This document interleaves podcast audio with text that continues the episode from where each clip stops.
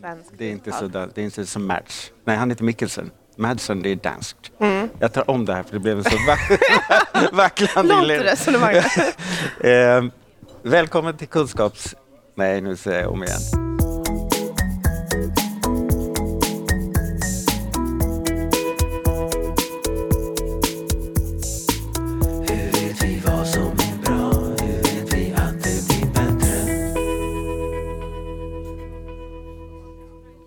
Kafferast i Kunskapsfabriken. Välkommen till kafferast i Kunskapsfabriken. Det är så många konsonanter i den här titeln. Det är det knepigaste. Denise Madsen, maskrosbarn. Ja. Vad är maskrosbarn? Oj. Eh, Maskrosbarn är en barnrättsorganisation Mm. eh, för ungdomar som har föräldrar som har ett missbruk eller mår psykiskt dåligt. Så att vi, vi jobbar med två olika stora saker kan man säga. Och det ena är påverkansarbete där Mm. vi för fram våra ungdomars röst gentemot eh, myndigheter och beslutsfattare, deras perspektiv, försöker förändra lagar och jobbar opinionsbildande. Och sen så har vi ett stödben också. Så det är påverkan och stöd som vi jobbar Ni med. stöder ungdomar. Stöder Mm. de här Ma- ungdomarna. eh, Riktiga maskrosbarn. De riktiga maskrosbarnen. Och sen har jag förstått också att alla som jobbar här identifierar sig själva som maskrosbarn. Mm. Om du jobbar eh, i stödjande verksamheten så måste du vara ett maskrosbarn. Just det. Mm. Sympatiskt med förebildstänk. Och... Ja, och det är också vad ungdomarna eh, vill ha, säger de. Ah, ja.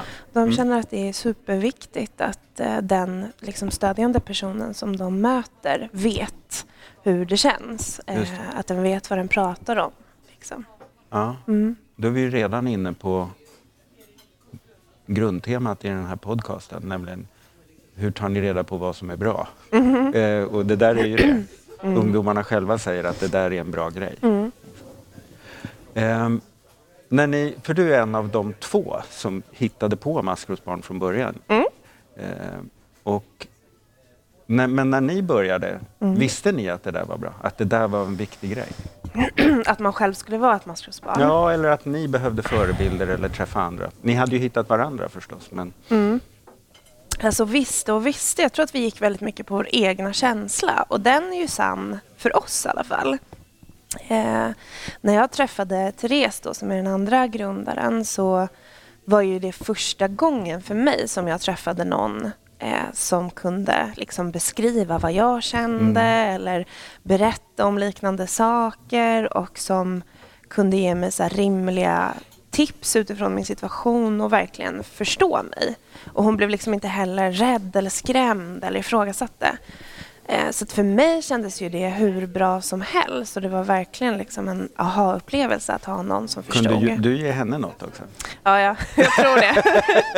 jo, men så kändes det för, för oss båda och det var också just därför vi började med det här. För att vi, vi satt länge liksom och funderade på eh, dels varför vi inte hade fått något stöd, tyckte vi, som var bra. Eh, men sen började vi också fundera på men vad hade vi velat ha för stöd om vi hade fått något? Vad hade varit liksom det bästa? Och då kom vi fram till att jo, men att ha träffat varandra var ju verkligen något av det bästa som hade hänt för oss. Eh, och där liksom kan man säga att den idén eh, växte. Så, och jag tycker att ungdomarna verkligen uppskattar det nu och säger det. Och jag har ofta frågat dem liksom om, det är, om det är viktigt för dem och det, det säger de att det Alltså, är. ni följer upp det? Att Absolut. kolla att eran, den här grundidén fortfarande har effekt? Ja, vi behöver inte ens fråga egentligen utan de säger det ofta rakt ut att så här, det är så skönt att ni är maskrosbarn och här förstår ni och, och alla förstår här. Liksom. Så det känns fortfarande väldigt aktuellt. Men så tror jag att det är med ganska mycket. Att, eh, mycket som är tungt eller svårt. Att det är skönt att, att prata med andra som har gått igenom motsvarande. Liksom. Kafferast i Kunskapsfabriken. Om man då tänker att ni har hittat en nyckel till vad som kan få ungdomar att må bättre eller kunna hantera sin situation bättre. Hur, ger det, hur påverkar den kunskapen det som är ert påverkansarbete? Hur påverkar det? Ja, alltså på många olika sätt tänker jag. Dels eh, så drar vi ju väldigt mycket nytta och använder oss av ungdomarnas liksom, erfarenheter, åsikter och kunskap. Och det tycker jag är superviktigt. att eh, Det sitter ofta ganska många vuxna och Eh, vill hjälpa barn och ungdomar och har det som arbete. Ehm, men man kanske inte frågar målgruppen vad målgruppen vill ha utan det är folk som inte tillhör målgruppen som spekulerar och funderar och kommer fram till vad målgruppen vill ha. Och där fungerar ju vi som en bra bro där vi har mycket liksom, ja, workshops eller olika sammanhang där ungdomarna verkligen får säga vad de tycker. Eh, och på så sätt så eh, släpper vi olika rapporter och håller i olika konferenser. Eh, vi utbildar eh, beslutsfattare, myndigheter, folk som arbetar med ungdomar på olika sätt i bemötande, bland annat i vad ungdomarna säger att de vill ha. Eh, så jag tänker att vi använder oss av kunskapen på det sättet dels. Men sen också att vi ehm, för upp den här debatten apropå norm, att vi pratar om det här och försöker normalisera det och visa på att det är väldigt vanligt. Och, eh, det tänker jag på sikt leder till att andra människor mm. som inte jobbar här också pratar om det mer. Tycker du att sådana verksamheter som ni träffar eller som vill ha inspiration från er eller kunskaper från er, förändrar de sig? Eller är de glada för att ni kom dit och pratade och tycker att ni är duktiga bara? Eller? Ja, det är svårt att veta. Vi, träffar ju, vi har ju otroligt mycket föreläsningar och utbildningar men jag tror absolut eh, att det sker någonting. Det måste det göra, tänker jag. Och vi jobbar också ganska mycket med vad liksom en enskild individ kan göra och pratar om det. För att mycket saker i den här branschen eh, kostar pengar, tar tid, det är långa beslutsprocesser och så. Så det får man ju ha, ha i mm. beaktning. Mm. Men, eh, men då är det alltså ni peppar en enskild socialsekreterare? Ja, och det, att är det här ofta, kan du tänka på? Ja, men mm. precis. Och det är ofta det som ungdomarna vill ha. Att att en vuxen bemöter dem på ett fint och varmt sätt. Mm. Och det kan ju alla göra. Det. det. kostar inga pengar och det tar inte så mycket extra tid. Mm. Så att vi fokuserar också väldigt mycket på sånt. Alltså hur ställer man en fråga? Eller vem, vem hälsar man på först? Och på vilket sätt kan man fråga det här? Och... slags bemötande tekniker. Liksom. Absolut. Mm. Eh, många liksom små saker som är enkla att ändra på på en gång. Som inte kostar något. Ingen annan behöver vara involverad liksom, eller besluta om det här. Vad tycker era ungdomar om att vara med? För du, du beskrev det som att de också är med i att förmedla kunskap i era mm. på, ert påverkansarbete. Och så mm. Vad tycker man om det? Oj, vad tycker man om det? Um, jag tror att de tycker att det är superkul, eller det vet jag att de tycker, mm. annars så skulle de inte dyka upp. liksom. det, är, det, är, väldigt enkelt. de, de är ganska tydliga, liksom. de gör inte så mycket som de inte vill. Nej. Eh, vi brukar ofta liksom bara slänga ut förfrågan i de olika grupperna som vi har och sen mm. så får man anmäla sig. Vi har också några sådana olika pass i olika stödverksamheter som vi har, påverkansarbete, barnkonventionen och sånt. Eh, och de tycker ofta att det är jättekul eh, att få ge tillbaka som de säger och eh, kanske hjälpa andra som de inte vet ens finns men de vet att de hjälper på något sätt. Mm. Och jag tror att det är superkul för dem och härligt att så här, vuxna lyssnar och tycker att deras åsikter är skitviktiga. För det är inte kanske alltid den uppfattningen de, de får. Jag tänker att alltså, ungdomar, barn, liksom, precis som alla människor mår ju bra av att få hjälpa till och känna att man eh, kan påverka och det som man, ens erfarenheter och sånt eh, spelar roll. Vet vi vad som är bra? Hur vet vi att det blir Och det är något som jag jobbar mycket med, med resultatmätning. På stödverksamheten så att säga? Ja, ja. precis. Eh, där i alla våra olika stödprogram eh, så mäter vi ungdomarna.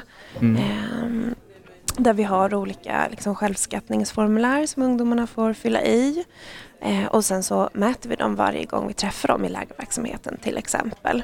För att se. Mm. Och de är ju hos oss, om vi tänker på läger, i fyra år. Um, och vi, när vi började med läger och, och, när vi har börjat med allt egentligen så har vi alltid haft en, liksom, en ingångstanke om att så här, men det här är asbra och ungdomarna säger att det här är jättebra och att vi ser resultat. Alltså vi ser utveckling mm. och vi ser att de har nya strategier och de säger det. Men det var ju viktigt för oss att ha det på papper så att säga. Eh, att kunna mäta det på något sätt och det var en stor grej för oss när vi för ett mm. par år sedan började med eh, den här formen av självskattning. Vi har alltid självskattat men det här är vårt, vårt egna. Liksom, Mm. Ja, där vi ser jättefina resultat. Och det är kul att kunna eh, ha för oss så vi ser Ja. så här, jo men känslan ni hade stämde. Eh, men också att kunna visa upp inför våra uppdragsgivare som socialtjänsten till exempel eller för olika företag som vi samarbetar med. Och, Hur, vad ser ni i de där siffrorna? Är det, dels kan ni ju förstås se att det verkar som att kvaliteten håller, men upptäcker Mm. ni grejer som, aha, det där. Mm. Eh, mm, gud, alltså jag är så nördig på, Ja, på men du, talar med en gammal interncontroller här, förstår Ja, du? Vi har fyra områden som vi möter, Mm. eh, vilket är, vilka är kunskap, identitet, relationer och framtid. Det är de vi har liksom, eh, som fyra stora huvudmål i vår stödverksamhet. Lite grundat på KASAM bland annat, men sen har vi gjort det till vårt egna och blandat in lite mer. Men eh, det är ganska KASAM-inspirerat. Kafferast i Kunskapsfabriken. Ja, men kunskap handlar ju om, liksom, vi, vi tänker att man behöver få kunskap om sin situation och sina rättigheter och vad kan hända med mig om jag har en mamma som är psykiskt sjuk till exempel och eh, vilka konsekvenser kan jag få, hur kan det bli? Och sen identitet handlar om liksom eget värde och olika strategier och verktyg och tycka om sig själv och så. Relationer, liksom hur jag knyter an till andra människor, hur jag bryter destruktiva relationer och sen framtidstro. Liksom. Jag tror att det kommer bli bättre eller jag har, jag har mål och drömmar. Och vad jag såg tidigare det var att identitet var absolut svårast att öka. Frågor som, ja men jag älskar mig själv till exempel. Supersvårt att göra någonting åt det. Och det här är också så anledningen till varför jag tycker det är så roligt. För då har jag det här på papper, då ser jag så okej den här gruppen är jättelågt på identitet och det blir kanske inte så jättemycket ökning. Vad kan jag göra? Liksom, vad kan vi göra i vår verksamhet för att det ska bli bättre? Och då kan jag sätta mig med vårt stödmaterial och eh, göra om det och lägga till mycket mer liksom, hanterbarhetsfrågor och övningar och sånt. Och sen så kan jag göra lite pass om det och göra massa övningar och bara lägga in det i, vår, eh, i vårt läger till exempel eller i coachprogrammet. Och sen så kan jag mäta igen och se, och se att det ger mycket större skillnad. Så det är superroligt att att ha en ganska snabb verksamhet på det sättet där man kan så prova och ta bort och lägga till och se vad ger det för resultat. Jo, det blir bättre liksom. Sen gissar jag att i och med att ni mäter det här ofta Mm. så blir det också tydligt för de som deltar i aktiviteterna eller verksamheterna att fundera över de här sakerna. Mm. Att liksom identifiera både kunskap särskilt från identitet. Mm. Mm. Att det är också ett sätt att ge ett verktyg. Det blir ett sätt att stödja också, att Mm. mäta. Ja, men det skulle jag säga var min största vinst, just det här Mm. med identitet. För att när vi hade sett ett tag att ja, men den ökade inte så mycket. Och det är ganska Ja. självklart för att så här, det allra, allra svåraste kanske är att tycka om sig själv Mm. och sätta gränser för sig själv. Liksom, eh, av de fyra liksom, huvudområdesmålen som vi har. Vad jag gjorde då var, jag bara, nej men nu måste jag ta tag i det här. Liksom. Jag, vill, jag vill se en ändring och se om det ens går att göra en ändring. För det kan ju också bara vara så här som det är, att det tar tid. Eh, så att jag eh, läste massa, massa, massa, massa, massa böcker och satt och liksom jobbade igenom hela materialet och la till massa liksom, ehm, ja men dels här affirmerande övningar men så jättemycket också om strategier. Alltså många olika verktyg. Att så här, hur kan jag hantera mina känslor? Jag fick mycket inspiration av DBT till exempel och eh, lite ACT, många olika så terapiformer och pratade supermycket om det och barnen fick göra många olika ja, men, övningar på det. Eh, vi gör till lite olika pass ute på lägren eh, där vi pratar om just liksom, hur hantera sina känslor och hur tycka om sig själv och mycket också bakgrund. Så här, varför blir det så här? Varför prioriterar jag mig själv sist? Och så. Eh, Och sen så fick vi superfina resultat på identitet. Så det var ju liksom hallelujah moment för mig. Ja, just det. När jag hade kunnat ändra eh, och se, se resultat. Men då var jag, eh, fattar jag rätt då att själva metoden för att få bättre resultat på det där var att lyfta frågan och ge, erbjuda Absolut, många ja. perspektiv att reflektera kring Ja. det. Det är inte en särskild insats att det är det här verktyget man ska göra och det är det här utan vi, vi, du måste få möjlighet att tänka kring den här delen Mm. i matrisen också. Ja, prata om det Ja. ännu mer och göra olika. Och tillsammans med Övningar. människor som har liknande erfarenheter då. Ja, precis.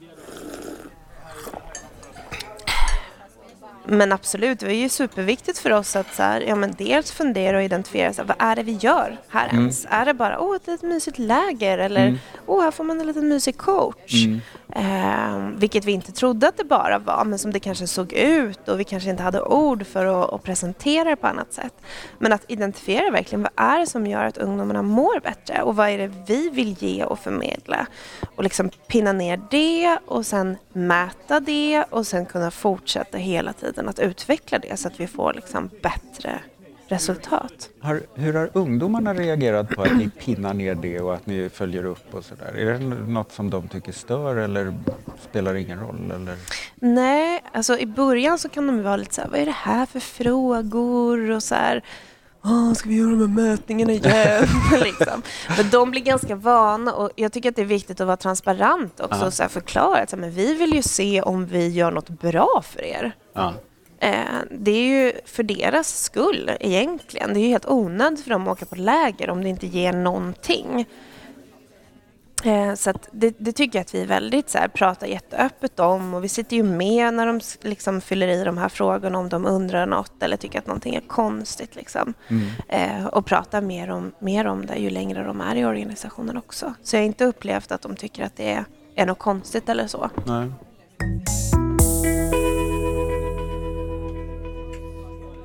Men eh, jag tror att vi har närmat oss slutet på den här eh, ganska långa kafferasten. Kaffet har kallnat, eh, samtalet känns bara ännu mer angeläget. Det är ett bra uppbrott tror jag. Eh, tack för att jag fick komma hit och träffa dig Denise. Mm. Tack för att jag fick vara med. Vi hörs. Det gör vi. Hej! Hej! Den här podden görs av NSPH, Nationell samverkan för psykisk hälsa. Läs mer på vår hemsida www.nsph.se eller följ oss på Facebook. Kafferast i Kunskapsfabriken.